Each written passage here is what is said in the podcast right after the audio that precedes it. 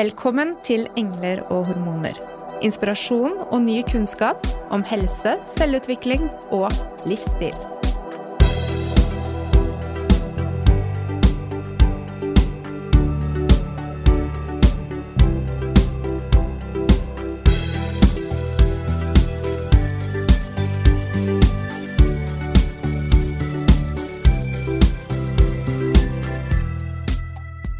Kjære lytter.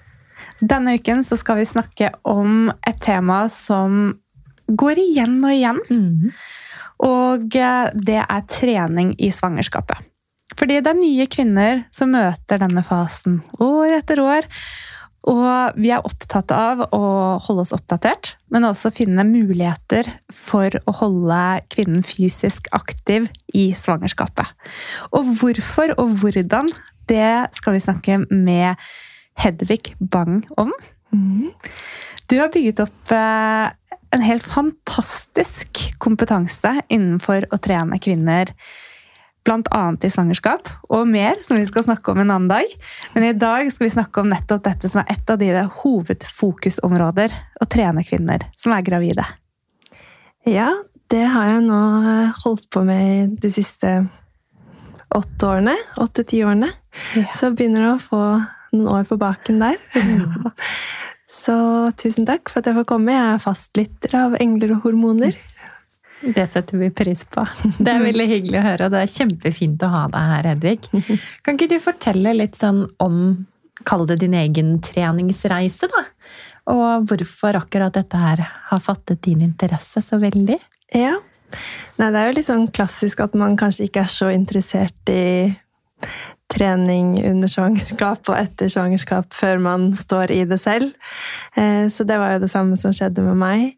Da er det jo åtte år siden jeg ble gravid og fant lite informasjon om hvordan jeg kunne trene. Og det skal sies at jeg da trente mye styrke og tidligere bakgrunn som danser, og kan mye om kroppen, men eh, merket at det var mye jeg også ikke kunne.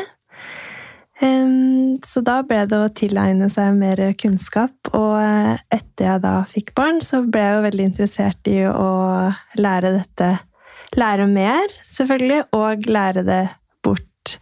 Og begynte å jobbe kun egentlig med kvinner.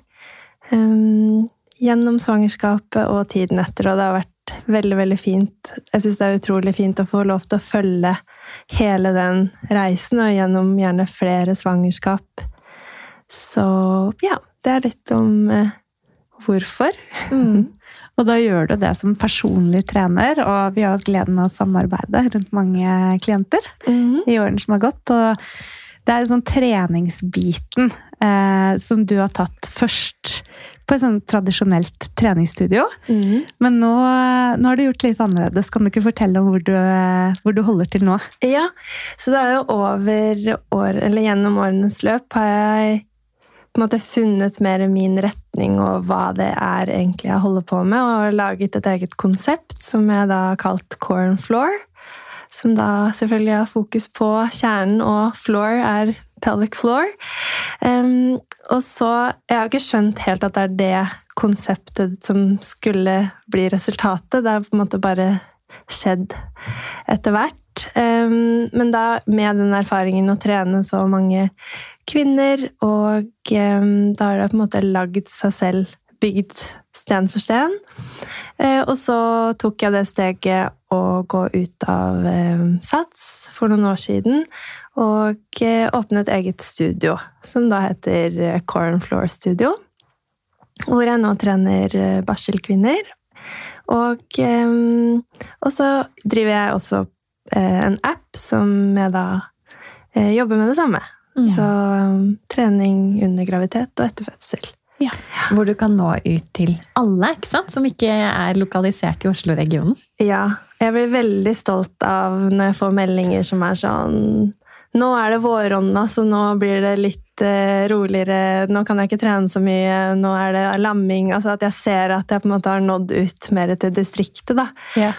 Og at eh, jeg kan få ut den kunnskapen flere steder hvor det er vanskelig å få riktig eh, informasjon og ja, vite hva man skal gjøre. Både under og etter. graviditet. Mm. Så jeg er veldig stolt av. Så det er jo en jungel der ute av informasjon som man kan finne på sosiale medier. Og hvis man er så heldig å finne de gode kildene, da, så, så, så er det også mange som tenker at den treningen som man skal gjøre i svangerskapet, det blir automatisk kjedelig. Mm. Hva vil du si til det, Hedvig? Nei, det trenger absolutt ikke å være kjedelig.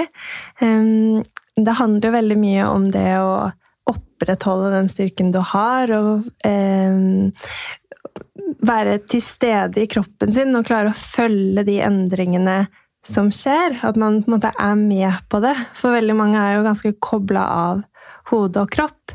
Um, men jeg tror det er en veldig fin forberedelse til det som kommer med fødsel, og den den intense tiden når du har en baby som nesten er en del av kroppen din fortsatt. Um, det å, å på en måte være til stede i kroppen sin gjennom graviditeten med trening. Og lære, bruke også speilet, liksom se endringene, være med på hva som skjer, og være til stede, det tror jeg gjør det veldig mye enklere. Mm. Og så får man jo de endorfinene da, som man så sårt trenger.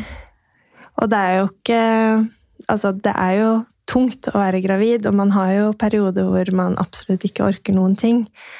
Eh, noe er alltid bedre enn ingenting, og det er veldig motto også. Mottoet mitt er jo egentlig 'enjoy the effort', som handler da om at man skal finne glede i den innsatsen man gjør, om det er på jobb eller i trening.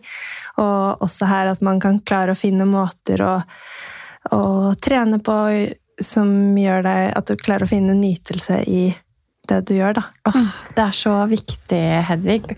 Og akkurat det, det, du sier der med å gjøre ting fordi det gir en glede, og ikke fordi du føler deg presset til å måtte gjøre noe eller skulle eller burde. Mm. Uh, at det er sånn posit positivitet da, inni det hele og inn i treningen. Ja. Og jeg tror veldig på Hvis man bare finner de der altså I løpet av f.eks. første trimester så føler de fleste seg ganske crap. Eller i hvert fall jeg gjorde det, og jeg vet mange flere med meg. Men når man da har de der kanskje 10-15 minuttene her eller der hvor du Ok, nå kjenner jeg på et lite overskudd. Skal jeg prøve å gjøre litt grann nå, og så vite at ti minutter er veldig bra. Mm. Og så kanskje neste uke så bygger man på med fem minutter til, og så klarer man etter hvert å ha godt kommet inn i en rutine som gjør at du faktisk får gjort ganske mye. Eh, så, og være smart på hvilke øvelser du fokuserer på, så blir du så mye mer fornøyd med deg selv, og du vil få resultater. Det er ikke, vi har ikke dårlig tid. Men det er jo Jeg tror til og med at jeg har sett eh, deg, Hedvig, annonsere om at det er trening for de som ikke egentlig orker i Ja. kveld. Det er eh, også en av eh, Altså, det er jo sånn for meg også. Ja. Ja, det er absolutt trening for alle som ikke orker. Vi har jo da en, eller Gjennom appen min så har jeg en live-time hver mandag. Mm. Og da er det opp eh, mot 100 stykker som trener på på loftet mitt. Ja. Og jeg, bare, jeg blir jo nesten rørt av å logge inn der. Og så ser jeg jo alle på en måte i samme situasjon som meg. De som er gravide, de har kommet seg opp av sofaen klokka kvart over åtte. Det syns jeg er eh, creds. Ja. Og så alle som har prøvd å få lagt tre én, to, tre barn før de logger seg på. Og alle er bare sånn skikkelig glad for å bare Endelig så er vi her. Og så er det kanskje min sønn for eksempel, roper et eller annet nede, men all, det, er liksom, det er greit. Og så får vi gjort den 40-minuttersøkten, og da er alle bare sånn euforiske. Og så har vi starta uka. Ja. Og det er 40 minutter som er til bare for oss, da. ja.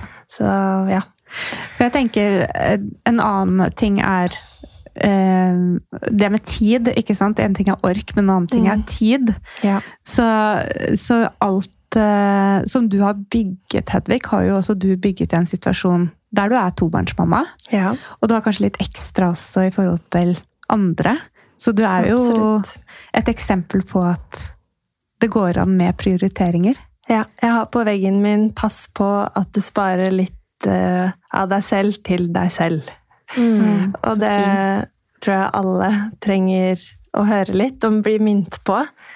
Eh, For det er jo sånn det er. At hvis man ikke passer på seg selv oppi alt, så eh, går det dårlig. Så ja. Det har du helt rett i. Vi kan jo komme litt inn på spesifikk trening gjennom de ulike trimesterne etter hvert. Men hva tenker du sånn, hvis man er i en planleggingsfase om å bli gravid, da? Mm. Hvordan kan vi begynne å forberede kroppen gjennom trening for et svangerskap? Nei, hvis du ikke har begynt enda å jobbe med dype pust og altså connection breath og begynne å få kontakt med dyp kjerne og bekkenbunn, så vil jeg jo anbefale alle å gjøre det. Mm. Så det er bare å sette i gang med. Det trenger vi alle sammen. Og det både bare for å få roet, roet seg ned, men også få den gode kontakten med bekkenbunn. Ellers så ville jeg jo hatt fokus på uh, å trene meg sterk generelt i kroppen. Bare få inn den daglige aktiviteten som er anbefalt. Trene rygg, Eh, armer. Det er mye bæring og mye brystrygg og armer. Der eh, man skal huske på f.eks. biceps og de tingene som man kanskje ikke trener så ofte som i hvert fall jeg hadde sjelden så mye fokus på å gjøre akkurat det. Men det er jo ganske mye statisk, så mm. du får mye igjen for å ha litt fokus på det. da. Og så syns jeg det er veldig Når jeg trener gravide kvinner, så syns jeg det er veldig gøy å leke med det å ha, bruke en medisinball, f.eks. Og ha sånn spesielt hvis det er første barnet, så er det så hyggelig å tenke sånn konkrete øvelser. At du later som nesten det er barnet ditt som du skal Ok, her, nå skal du gå opp og ned, nå skal du løfte babyen over hodet. Altså sånn At man klarer å se tydelig for seg hvorfor man gjør det. da. Mm. Denne øvelsen, f.eks. biceps. Ok, nå later vi som at vi bærer babyen i den ene hånda, bilsetet i den andre, og så går du over parkeringsplassen. Du, har, du kan ikke slippe. Og da, liksom, da finner du den gjør, Du ville jo aldri sluppet hvis det faktisk var sånn, så da klarer du å hente den. Jeg liker å bruke sånne bilder mm. for å finne den uh, At det blir litt morsomt, da. Mm. Ja, så er det jo en fantastisk forberedelse for kvinnen, som du sier, spesielt i første svangerskap, å faktisk mm. forberede seg på morsrollen. Mm. Og det er jo en enorm endring i et liv, det å bli mamma. Og det å faktisk starte såpass tidlig og faktisk sette seg inn i disse situasjonene. Mm. Kan, Åh, kan det være fint. hyggelig også? Ja, ja, definitivt. Og det er jo um det er jo også mange sånn, helsefordeler med å trene. Jeg tenker Hvis vi skal get litt sånn nerdy around this mm. Det er sånn greit å vite hvorfor det er bra også.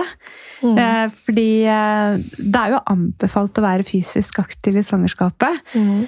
Eh, og mytene lever jo fremdeles eh, faktisk ved at det er mange kvinner som får beskjed om at de skal ta det rolig. Mm. De skal kanskje ja, holde sengen mer og uten at det er medisinsk grunnlag for det. Her snakker vi selvfølgelig ikke om de som har fått beskjed om det av medisinske grunner, men i en generelt sånn normal gravid befolkning, mm. så er det jo faktisk anbefalt å trene. Skal vi snakke litt om hvorfor det er bra? Ja, da kan vi bare ramse opp. Fordøyelse. Det mm. er jo noe som mange sliter en del med. Det er jo en naturlig grunn at det skal gå litt saktere, men det vil jo hjelpe å være mye bevegelse. Mm. Skal vi ta sånn punkt for punkt, eller skal jeg ramse opp litt? Nei, bare fortsett, du. Ja.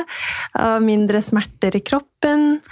Altså, nå har vi jo ikke sånn at det er én spesifikk måte du skal bære kroppen på som er liksom den korrekte, hvor du bare blir skånet for alle smerter som gravid. Det er ikke sånn at Hvis du går akkurat på en spesiell måte, så er du good.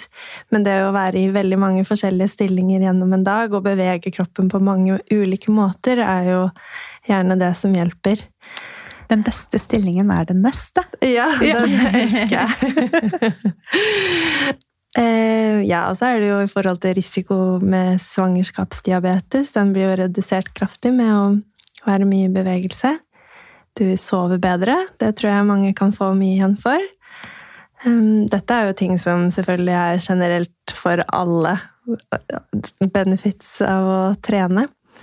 Um, og så det, har man jo sett at babyene gjerne blir litt større og Altså at de er større og lengre med kvinner som trener, men ikke høyere fettprosent. Altså det er liksom robuste Hvis man syns det er vanskelig å finne motivasjon for seg selv, så kan man jo Så er det jo veldig lett å finne motivasjon for at du faktisk gjør noe veldig godt for babyen inni deg. Mm. Um, så det tror jeg er mange som har lyst til å begynne med trening med en gang de blir gravide, fordi da klarer de å finne den motivasjonen for noe annet enn kanskje vekt en gang, eller sånne ting som ikke er så lystbetont. da.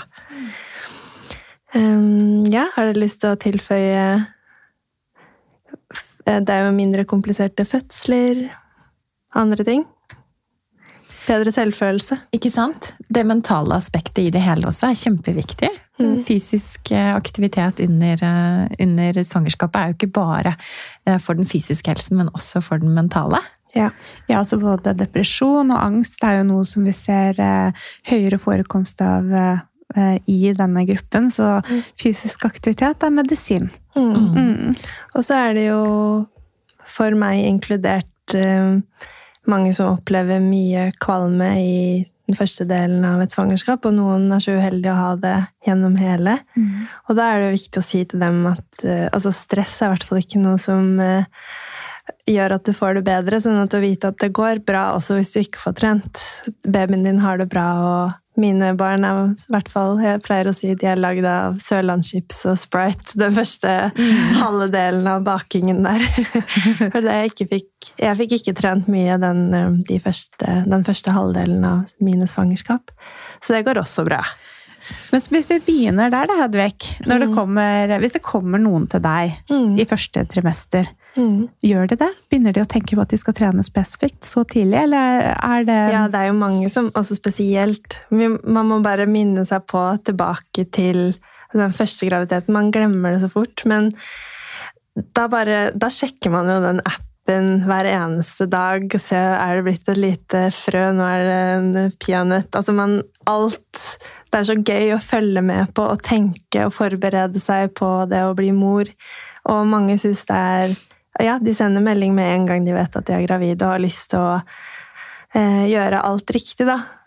Eh, og da handler det jo mye om å bare finne det riktige fokuset, sånn at det skal bli noe som ikke stresser igjen, men som skal gjøre deg godt, og trygge kvinnen hele veien på at um, dette er noe som er veldig bra og ikke noe farlig. Og det er jo mange som er veldig usikre, og det er mm. derfor de tar kontakt, fordi de er redde for å gjøre noe feil. Og da pleier jeg å si Og det er jo selvfølgelig ting man kan gjøre som ikke er bra. Jeg vet ikke om vi skal sikkert snakke litt mer om det, eller skal jeg ta det nå? Ta det nå, du. Ja, det... Så da er det jo typisk å bli overopphetet. Eh, slag mot magen, naturlig nok. Ikke dykke. Altså det er ganske mm. sånn um, Ting som du kanskje egentlig ikke ville gjort så mye uansett, da. Mm. Så det jeg pleier å si, er at det går Som regel så går det først utover deg som mor. Altså treningen du gjør. Det går først utover deg. Babyen ligger der veldig beskytta og godt. Og ja, du kan gjøre ting som kanskje ikke er det smarteste for deg mm. eh, i forhold til hvordan du skal forberede deg.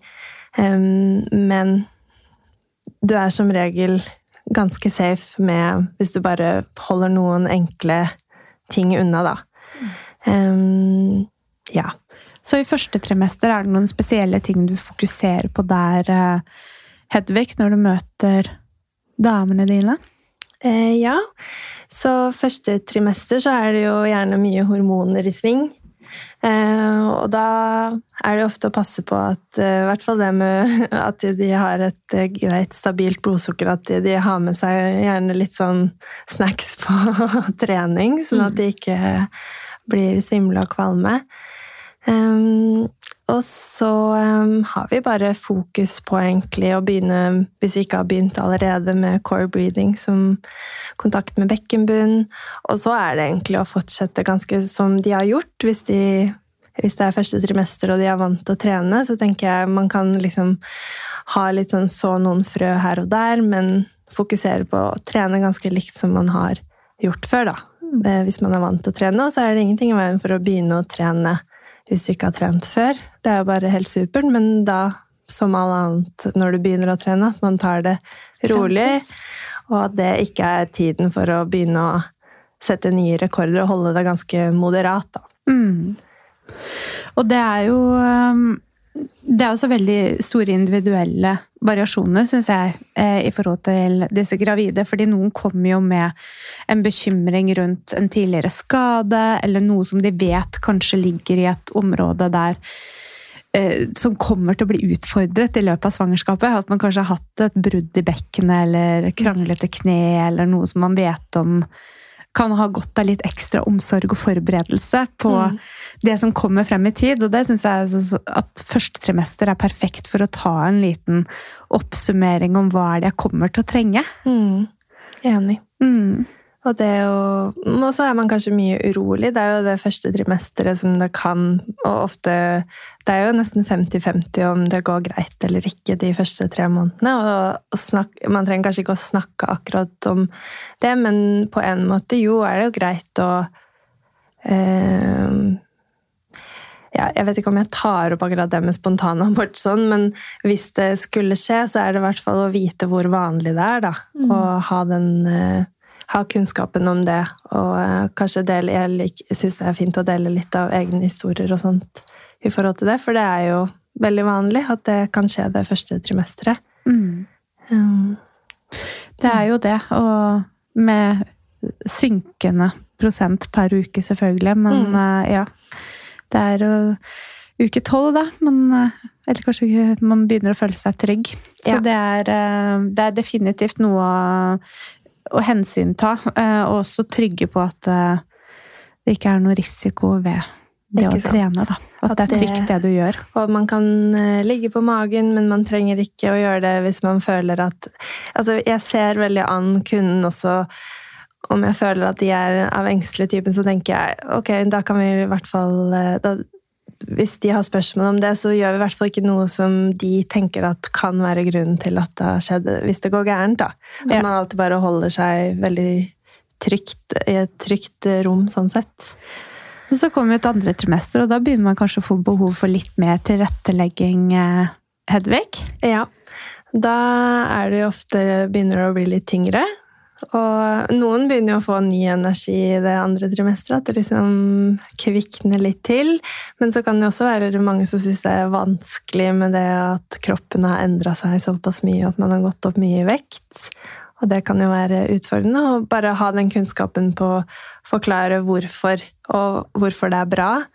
Um, selvfølgelig innen rimelighetens Ja, for når du sa det, så er det kanskje greit at vi trekker det til begge ytterpunktene. Vi har jo snakket om inaktivitet, men det er jo også noen som, eh, som kanskje bruker eh, eh, trening som Ja.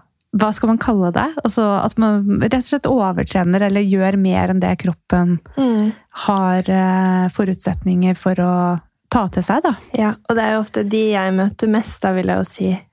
Dessverre skulle jeg møtt litt sånn bredere sånn sett, men at jeg ofte møter jo de som kanskje har trent mye hele livet, og som trenger den praten om å på en måte sakte, men sikkert lære å tilpasse eh, treningen og akseptere at det handler om litt andre ting. Det er en, det er en reise. Ja, ja det, er, eh, det er noe med hva vi identifiserer oss med, da. Mm. Og hva betyr det for meg som person hvis jeg må endre på den øvelsen jeg alltid har gjort? Ja. Eller intensitet eller mengde. Ja. Mm. Og det Mister er jeg meg selv da? Ja, ikke Ja. sant? Det er jo noe med det. Vi har jo snakket litt om ja, man skal ikke bare liksom legge seg på sofaen når man er gravid, men også hvile er jo viktig. Mm. Eh, og det å finne akkurat den balansen og, og ha en prat, enten det er med terapeuten din, fysioterapeut, osteopat, eller om det er med din personlige trener, så tror jeg det er, er kjempeviktig. Mm. Sette litt sånn Hva er egentlig å forvente her hvor du er akkurat nå? Enig. Um, og hva er det det gjør i deg hvis, hvis du ikke får trent akkurat sånn og sånn? Mm. For det må jo være rom for å kunne tilpasse også noe ut ifra hvordan den uken er, eller den totalbelastningen for øvrig, da. Og jeg tenker det er veldig god læring, om man kan kalle det det, opp mot den tiden som kommer når babyen kommer. da. At det ikke blir så brå overgang, det å plutselig måtte sette sine behov så til side. At du allerede da har begynt å på en måte venne deg til at det er annerledes. Og så trygge å snakke om Vet du hva, hele resten av livet ditt skal du få trene så mye du bare vil. Nå er det noen år eller en periode nå når det er annerledes, og det er helt greit. Og så blir det Altså, det er sånn livet skal være. Ja. Og det Det er helt fint. Så Nei, og i andre trimester så er det jo dette med å ligge på ryggen som blir ubehagelig for noen. Um, og noen som er Der har det jo vært litt sånn anbefalt ikke ligg på ryggen i det hele tatt, og så har man gått litt sånn tilbake. Da handler det jo om Dette vet jo dere, men eh, da handler det jo om det trykket man får ned på en stor åre som går langs ryggraden. Mm. Ja. Og da kan man oppleve å bli svimmel og kvalm. Eh, Så en liten hack som jeg har der, er hvis man har en tredemølle som man setter opp på incline, på incline 15 eller noe sånt, da, som ikke går, selvfølgelig, så kan man ligge der og gjøre en del øvelser. Ja. For da får man hodet opp og en bedre stilling hvor du ikke føler så ubehag. Så er det jo sånn at kroppen gir signaler. Ja, Og det å faktisk tune litt inn i kroppen og kjenne etter hvordan oppleves dette. Er det Mm. ubehagelig? Ok, men da går det an å endre utgangsposisjon. ja. Går det greit, så ja, da går det greit. Ikke Da er det greit, ja. ja. Mm. Ja, det er, sånn som nå så har vi snakket om at første trimester er veldig sånn lyttende innover, ta kontakt, bli kjent. Mm. Mens i andre trimester så er det også veldig mye som endrer seg. Mm. Eh, og da ble jeg jo så litt eh, nysgjerrig på det begrepet som vi kjenner fra vår videreutdanning, eh, Hedvig. Mm. Connection breathing. Mm. For det har du brukt et par ganger nå, men det er jo en måte å holde kontakten på. Mm. Eh, kan du forklare lytteren vår hva det egentlig er? Ja, det handler jo om det Både det å forstå hvordan Altså, jeg liker veldig godt å vise bilder, og at, at eh, kvinnen skal forstå hvordan kroppen henger sammen, og hvordan bekkenbunnen og pustemuskelen jobber, og hvorfor jeg da snakker om hvordan man skal bære kroppen sin. Altså at man hele tiden forstår hvorfor, for da husker man på det, og så blir det mye mer interessant, og så kjenner man også når det er off eh, mer og mer etter hvert. Men connection breathing handler jo da om at diafragma og bekkenbunnen ligger rett over hverandre, og at de jobber sammen. Så når du puster ut, så tømmer lungene dine for luft, så løfter bekkenbunnen seg opp, og når du puster inn og fyller lungene med luft, så synker den ned. Eh, Så at jeg da mm, bruker denne dype pusten til å eh, lære kvinnen å koble på bekkenbunnen, og så at man kan gjøre det i forskjellige posisjoner, at man lærer å kjenne Jeg liker å liksom se for meg den, eh, den pusten, eller hvordan den jobber. Og hvordan bekkenbunnen og eh, pustemuskelen jobber, og så at man klarer å skjønne det i forskjellige stillinger. Sånn at man først sitter, og så ligger man, så klarer man å visualisere hva det er som faktisk skjer. Og da blir det mer gøy, syns jeg, da, å gjøre det òg. Mm. Og det tror jeg de syns også. Og så har man det med seg. Det trenger man jo opp mot en fødsel. Både det å klare å slappe av, som man skal gjøre når man føder, eller når man har rier og må jobbe hardt for å faktisk klare å spenne av. Mm. Um, og så vite hvordan det kjennes ut når du faktisk skal aktivisere bekkenmunnen. Ikke sant? Det, jeg pleier ofte å bruke eh, et visuelt bilde av en manet som svømmer i vann. Ja. Og også i det så ser man jo nesten for seg akkurat hvordan bekkenbunnen og diafragma da fungerer som en kjempeviktig sirkulatorisk pumpe.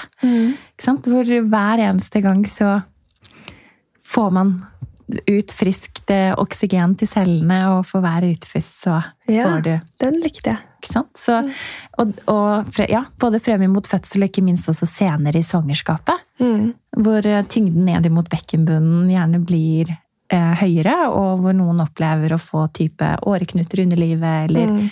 lenger ned i bena, da. Som kan være veldig plagsomt. Yeah. ikke sant? Og da er det jo ikke sant eh, det venøse blodet, lymfen, som skal tilbake Mm. og dreneres bort ved hjelp av bekkenbunnen, som er en del av den sirkulatoriske pumpen, og Mm. som ligger under mer og mer trykk. Mm. Eh, og etter fødsel er hoven og ja, kanskje Mm. skadet. Så det er jo så veldig mye som ligger eh, i det området som er essensielt for funksjonen vår.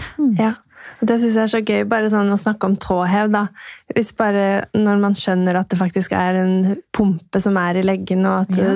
at du faktisk stimulerer den med å bare gjøre litt tåhev, at det da blir kanskje morsommere å faktisk gjøre det. Da. Bare sånn, ok, det er en liten hack for å vite at eh, jeg får i gang, og man ser det for seg. Da blir det Mm. mer gøy Mm. og interessant.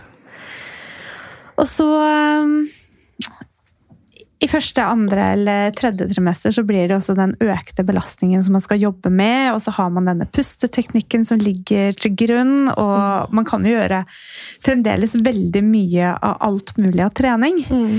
Men eh, er det noe spesielt inn mot tredje trimester, Hedvig, som, eh, som du tenker at det er viktig å fokusere på? Også kanskje frem mot fødsel?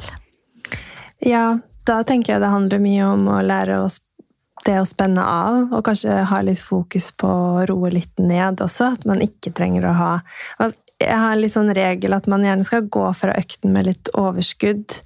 Spesielt når det begynner å nærme seg de siste månedene. Sånn at man vet at man har det å gå på prøver å finne mye Jeg bruker jo, har jo utdannelse i yoga, bruker mye stillinger fra yogaen til å måtte klare å finne space, til å føle at man får puste. Mm.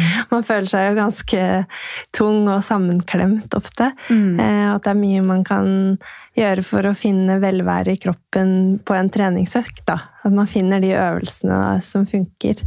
Og at det er masse øvelser i forhold til mage som du fortsatt kan gjøre også i tredje trimester for å styrke hele eh, Styrke kjernen eh, Da har jo gjerne magemusklene, de rette magemusklene sklidd fra hverandre, men det er jo kjempeviktig å jobbe med hele det korsettet fortsatt. Og der er det mye man kan gjøre som mm. er eh, nyttig og bra. Mm. Ja, for mange er jo redd for det, Hedvig. Mm. Eh, og det Et spørsmål som kanskje i hvert fall jeg i klinikk får mindre og mindre. Mm. Men at det fremdeles er til stede en uh, frykt for å gjøre noe verre mm. når det gjelder delte magemuskler. Ja. Så delte magemuskler vet jo de fleste hva er, men da er det jo mye gammel og ny informasjon mm. som lever på internett. Så ja. det er vanskelig. Det er mange som syns det er vanskelig å finne riktig informasjon fortsatt om det, og det er jo ikke alt vi vet med to streker under. Nei.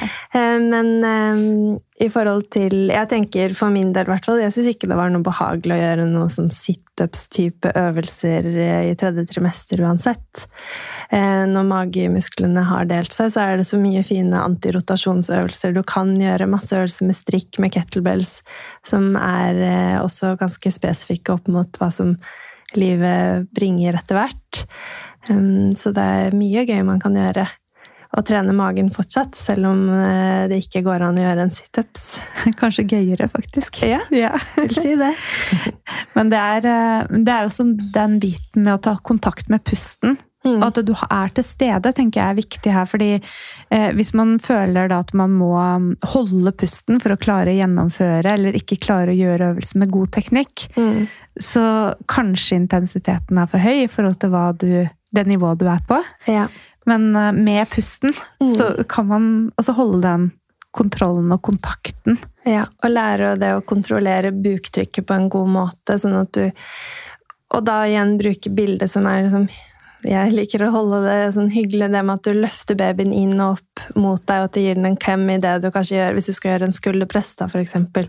Så fokuserer du på å puste ut, løfte bekkenbunnen opp, løfte babyen din inn mot ryggen i det du løfter noe opp over hodet. Og du kan også kanskje presse en hånd mot veggen for å avlaste enda mer trykk ned i bekkemunnen. Så ja, hele tiden jobbe med Det er det man starter med i første trimester, å forstå liksom hva konseptet i forhold til trykk også når du skjønner at bekkenbunnen og diafragma ligger over hverandre, og hva skjer hvis du holder pusten ned i bekkenbunnen, hvorfor skjer det? Og da er det veldig mye lettere å forstå hva det er man må gjøre når man jobber i tredje trimester. Og så tenker jeg her at det er viktig å understreke da, at nå snakker man jo om å ta med seg bekkenbunn i en øvelse. Mm. Eh, og det er noe annet enn å trene bekkenbunnstrening. For mm. det er mange som, eh, som kanskje ikke ser forskjellen på å bruke bekkenbunnen og trene bekkenbunn. Nei. Eh, men hvordan stiller du deg til bekkenbunnstrening eh, gjennom hele svangerskapet, Hedvig? Nei, jeg syns jo det er veldig fint å ha fokus på det opp mot de siste ukene, eller det er sikkert noe Dette kan dere sikkert mer om med meg, akkurat når man bør begynne å ha mer fokus på det med avspenning. Og at det kanskje er vanskelig å faktisk få til det gode knipet også. Så da har jeg pleid å si at du kan sånn knipe, men heller ha mye mer fokus på det å spenne av eh, når det begynner å nærme seg, da. Mm. For å øve seg på å gi slipp. Ja. Um, forhold, ja. Men det er jo ikke sånn at ved å gjøre bekkenbunnstrening at man får en vanskeligere fødsel. For det er jo noe som man kanskje også noen kvinner opplever å møte. Vi kan jo være, kan jo være helt konkrete og si at det er ikke så lenge siden at Nei. vi har fått beskjed om at eh, kvinner har fått eh, eh, fra sin trener eller Mm. fra fysioterapeuter har fått beskjed om å ikke trene bekkenbunn når de er gravide fordi det kan gi en vanskeligere fødsel. Ja. Og den myten må man på en måte bare slå ned med en gang. Ja. Eh, men det viktige poenget som Hedvig hadde der, er jo også at det blir tyngre. Ja. Mm. Eh, og, og tyngdekraften, altså hele vekten av baby og livmor og morkake og fostervann, ligger jo da og gir en økt belastning på bekkenbunnen som kan gjøre det litt mer utfordrende å få kontakt. Mm. men i en posisjon som f.eks. barnets posisjon, eh, den skal vi vise dere denne uken her på sosiale medier, så dere vet hva vi mener. eh, at du ligger der og faktisk får en liten tøyning i bekkenbunnen. Mm. Sånn da får du litt ekstra hjelp til å gi det slippet i Mm. utgangsstillingen, og så kan du da jobbe med å knipe uten at du har vekten av livmor og baby ned på bekkenbunn. Mm. Så er det litt vanskeligere å få kontakt, da. Ja, det Ja. var det jeg skulle si. Ja, så, så da man må altså, ta med seg den at det, eh, det, det, Det er helt vanlig. det er helt vanlig Mm, å mm. kjenne at det kan være litt mer utfordrende i den posisjonen enn når du har ligget på ryggen. da. Men Ja. fortsatt viktig. Fortsatt Så viktig dere vil anbefale å bare gjøre det samme hele veien opp mot fødsel i forhold til bekkenbunnstrening helt mot slutten også? Da er det ikke noe, trenger ikke å tenke noe annerledes i forhold til det. Men jeg syns det er kjempefint det du sier med å måte, øve på å gi slipp. Og jeg Mm. tror at frem imot en fødsel, Mm. det å vite etter når er det jeg kniper og når er det jeg klarer å avspenne, det er jo Mm. helt essensielt. Mm. Når, når man gjennom en utdrivelsesfase, hvis du hele tiden på en måte jobber, nærmest krysser bena og Mm. jobber med å holde igjen, så er jo selvfølgelig ikke det positivt i en fødsel. Hvor vi skal puste Nei. og hjelpe babyen ut. Ja. Mm. Jeg ble helt sånn fascinert. Jeg har tatt et keisersnitt, Mm. og så har jeg født vaginalt med nummer to. Og bare sånn Den beskrivelsen av hvordan det føles å ha en rie for meg, det var sånn akkurat sånn det føles ut hvis man har diaré, og så rett før man liksom får sånn Altså at bare alt knyter seg, og bare sånn At du hold, må bare løpe på do, ikke sant? Den der, det er en veldig vond følelse, men det var sånn jeg syntes det var å ha en rie. Og så uh, kjenne da hvor mye det hjalp at jeg fokuserte på pust, Mm. gi slipp, og så slipper det. Mm. Helt fascinerende. Så det ble jeg å si videre, da. At det er sånn det føles. Jeg vet ikke, synes det er det Og så har man lyst til å holde igjen, ikke sant? Ja, man har jo lyst til å bare ah! Mm. mm. Men, eh, men det er ingen god idé å holde igjen. Nei. Ja, jeg husker jeg tar hilste til min gode venninne Anette, da, som eh, har vært fast lytter, og som kom med den perfekte bildet på hvordan en ri Mm. eh, kjennes ut for meg. Ja. Eh, hun sa at det var som en lårhøne Mm. Som satt inni magen, men som aldri slapp. Mm. ja. Og som tidligere fotballspillere så er det sånn, et bilde jeg kan relatere meg til. Da. Ikke Ja. Mm. Ja, det er ikke godt, men det er så fascinerende hvor mye det hjelper med pust. Mm. Og det er jo fantastisk. Ja, pust er eh, et magisk, eh, undervurdert og tilgjengelig verktøy for alle. Ja, Ja. enig. Og Mm. derfor, det er derfor jeg også snakker så mye om connection breathing, for det er liksom essensielle Essensen i all trening, mener jeg. Ja. Mm. Å skjønne det. Absolutt. Men skal vi snakke litt om intensitet? Mm. Eh, Fordi i denne podkastepisoden så kan vi bare ikke gå inn i masse spesifikke øvelser. Fordi det fins tusenvis, og det fins også veldig mange individuelle variasjoner for hva du kan gjøre. Mm. Men vi kan jo snakke litt om intensitet på trening i Mm. svangerskap. Har du noen tanker om det, Hedvig? Hvor er det man skal legge seg? Ja. Um, det er jo bare å kaste pulsklokka, i hvert fall det første jeg pleier å si. At det, hvis man er liksom opptatt av å tracke pulsen sin, så er det på en måte ikke så mye poeng, for den vil bare villede deg uansett. Um, nå snakker jeg om sånn mann, kvinne i gata som driver med vanlig trening. Men så sier man jo at man skal liksom legge seg på sånn 70% intensitet av maks det du klarer, da. Og så er det jo litt annerledes for folk som driver med mye og intens trening fra før. Så det blir jo forska på nå også, um, i forhold til uh, hvordan man kan pushe seg på det. Ja. Eh, Men pleier å Altså, jeg tenker at man skal holde det ganske At man kan prate. Eh, kanskje ikke synge, men at man kan prate gjennom. Ja. At man kan holde en eh, jevn samtale Mm. eh, mens man er i aktivitet. Da er man på et greit intensitetsnivå. Ja. Så så, en alternativ måte å måle intensiteten på. Mm. Mm. Og så i forhold til å, eh, tyngre styrketrening også, så at man holder seg på et litt høyere repetisjonsantall. Og klarer å holde god teknikk og liksom ikke jakte de maksløftene i den perioden der, men ha heller fokus på god kontakt med kjernebekkenbunn, ha et litt annet fokus da, enn det du, enn det du eh, kanskje vanligvis har hatt. Mm. Så er det jo mange som får beskjed om det, at du skal ikke tøye når du er gravid. For da kan du få skade på leddene dine. Ja, Ja. sier de det? ja. det er ikke enig? Nei, jeg synes, tenker det er veldig lurt å jobbe med mobilitet også, men så kommer det jo kanskje litt an på hvis du er Sånn som jeg som var tidligere danser. Jeg, jeg kjente at det var ikke bra for meg å ligge i alle spagatene. På en måte, Jeg trengte ikke det akkurat som gravid. da. Eh, at det gjorde ikke meg godt der og da, men det blir på en måte ytter, et ytterpunkt. Jeg tenker de fleste tåler fint å tøye litt. Eh, Du trenger kanskje ikke å jobbe liksom ett minutt ganger tre i alle slags rare posisjoner, men du kan tøye sånn som man vanligvis gjør, uten at det er noe problem. Ja, og det er jo litt med hvilket leddutslag du faktisk ligger på som person også. Mm. Eh, og så være eh, kanskje bevisst på at tøyning kan gjøre mye godt også Mm. for mm. muskulatur som eh, som, eh, som eh, strammer seg opp. Mm. Eh, som faktisk kan være en smertekilde hos noen som opplever nedsatt funksjon og smerte. Så, men jeg har bare lyst til Det er så fint å bare ta med disse mytene som Mm. lever der, fordi dette blir jo sagt Mm. igjen og igjen. Ja, Mm. da skal vi ordne opp i det. Rydde opp i det nå. Definitivt. Mm.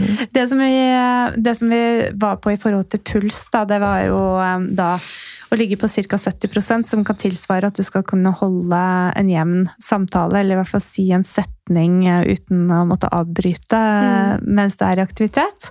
Og at man øker antallet repetisjoner eh, på styrketreningen. Mm. Og at det går an å variere øvelsene, slik at selv om du opplever at magen vokser, og det kanskje ikke er optimalt med de øvelsene som du pleide å gjøre, Mm. så går det an å legge til andre øvelser som trener de samme muskelgruppene, og du kan trene mage- og kjernemuskulatur også når du er gravid. Det går an å være litt leken og utforske litt. Ja. Og så det å ikke være redd for hvis du skulle gå over 70 Det går helt fint at du har blitt litt for sliten en gang også. Altså At man ikke blir for redd for det, og, og at man tok litt for tunge vekter den ene gangen. Ok, da lærte du det. Det er ikke sånn at eh, det gjør noen skade den ene gangen. Men generelle rådet er å prøve å holde seg på disse retningslinjene her, da. Ja. Så vil vi kjapt snakke litt om risikofaktorer også, Hedvig. Er det noen ting som jeg er spesielt opptatt av i svangerskapet? Ja, altså det vi snakket om i stad i forhold til å ikke bli overopphetet og sånne ting.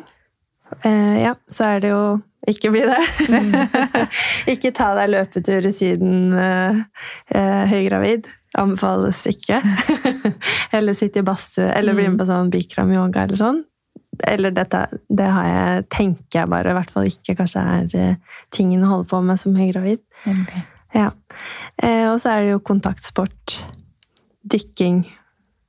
Eh, Jeg tenker at må man løpe det siste trimesteret, hvis det gir en veldig mye, og det er veldig viktig for en, og det er liksom det som kommer deg gjennom, eh, så må hver enkelt velge det. Men jeg tenker det er veldig hardt for bekkenmunnen å løpe, så jeg vet ikke, har dere noen tanker om det tredje trimester? Um, Fortsette å løpe som før, hvis man kan, eller? Det er litt vanskelig å gi et generelt Ja. råd. Det er jo hele tiden å gjøre en individuell vurdering, ikke sant? Ja. Eh, For noen så går det helt sikkert helt fint, Mm. mens for andre så er det kanskje ikke helt heldig å gjøre det. Nei. Så hvis man har noen spørsmål, så går det jo an å ta kontakt, da, så kan man gjøre en individuell vurdering på det. Mm. Så står det vel i retningslinjen at eh, over er det 1500 meter over havet. At man skal Mm. være litt restriktiv med høy intensitetstrening. Så Mm. Ja. i hvert fall eh, Og så tenker jeg litt på noen bor jo så høyt. Ja, det gjør det. så det er sikkert litt forskjell på det også, men i Mm. hvert fall, ja, det er sånn Ja. generell regel, da. Mm. Og så er det jo hvis du har fått beskjed av legen din, det må vi understreke at det vi sier her i dag, det gjelder ikke hvis du har fått beskjed av legen din eller de som følger deg opp i svangerskapet om noe annet. Nei. Eh, hvis det er medisinsk. Mm. Hvis man har risiko for for tidlig fødsel pga. kort livmorhals, Mm. eller hvis du har hatt opplevd mye blødning altså sånn, sånne absolutte kontraindikasjoner, så er det ja, Ja. å følge legens råd. Mm. Ja. Og det, ikke myter, da. Hvis Ikke det myter. gjenfortelles myter om at ikke du kan trene, da Og det er jo faktisk ting man kan gjøre liggende også. Det er det. Sånn, jeg bare tenker meg selv og liggende kvalm eh, Det var mye sånn pusteøvelser, aktivisering, litt sånn lett strekk. I hvert fall noe jeg kunne gjøre, da. Mm.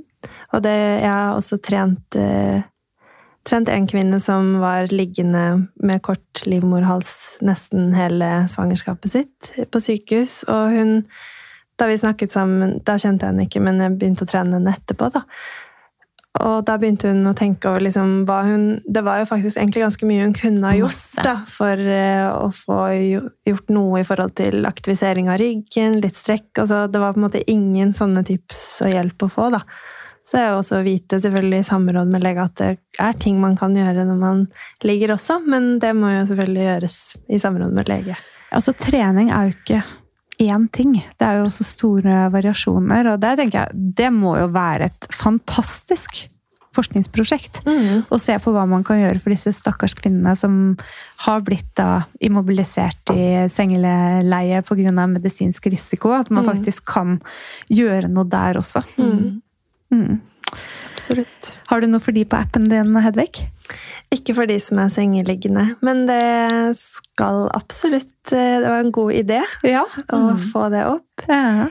Det er fantastisk, Hedvig, og jeg vet jo at det kommer bare til å rulle ut gode ideer og flere hva skal jeg si, ressurser fra din kant eh, i årene som kommer. Eh, det er et privilegium å kjenne noen som er så glødende opptatt av et tema. Mm. Mhm. Det er kjempefint. Tusen takk for at du tok turen hit i dag, Hedvig. Tusen takk for at jeg får komme, og jeg har jo lært så mye av dere. Både med å høre på podkasten og samtalen med dere, og dere gjør en helt fantastisk jobb. Tusen takk, Hedvig. Hva er din siste liksom, punchline til de gravide der ute? Nei, det må være å finne noe som man liker å gjøre, og at eh, noe er alltid bedre enn ingenting. Så mm, ja, og at det er masse man kan gjøre. Prøv å finne noe som du liker, og så holder du på det. Og så er det mer enn bra nok. Og det er så bra å ta med seg, Hedvig, og jeg tenker det alle pekefingre skal bare senke seg. Mm. eh, alle smil skal på, for det er det fysisk aktivitet gir. Det er altså sunnhet og glede og masse fysiske fordeler, selvfølgelig. Mm, Men det er bonus. det er bonus. Ja. Tusen takk, Hedvig. Tusen takk for at jeg fikk komme. Vi høres!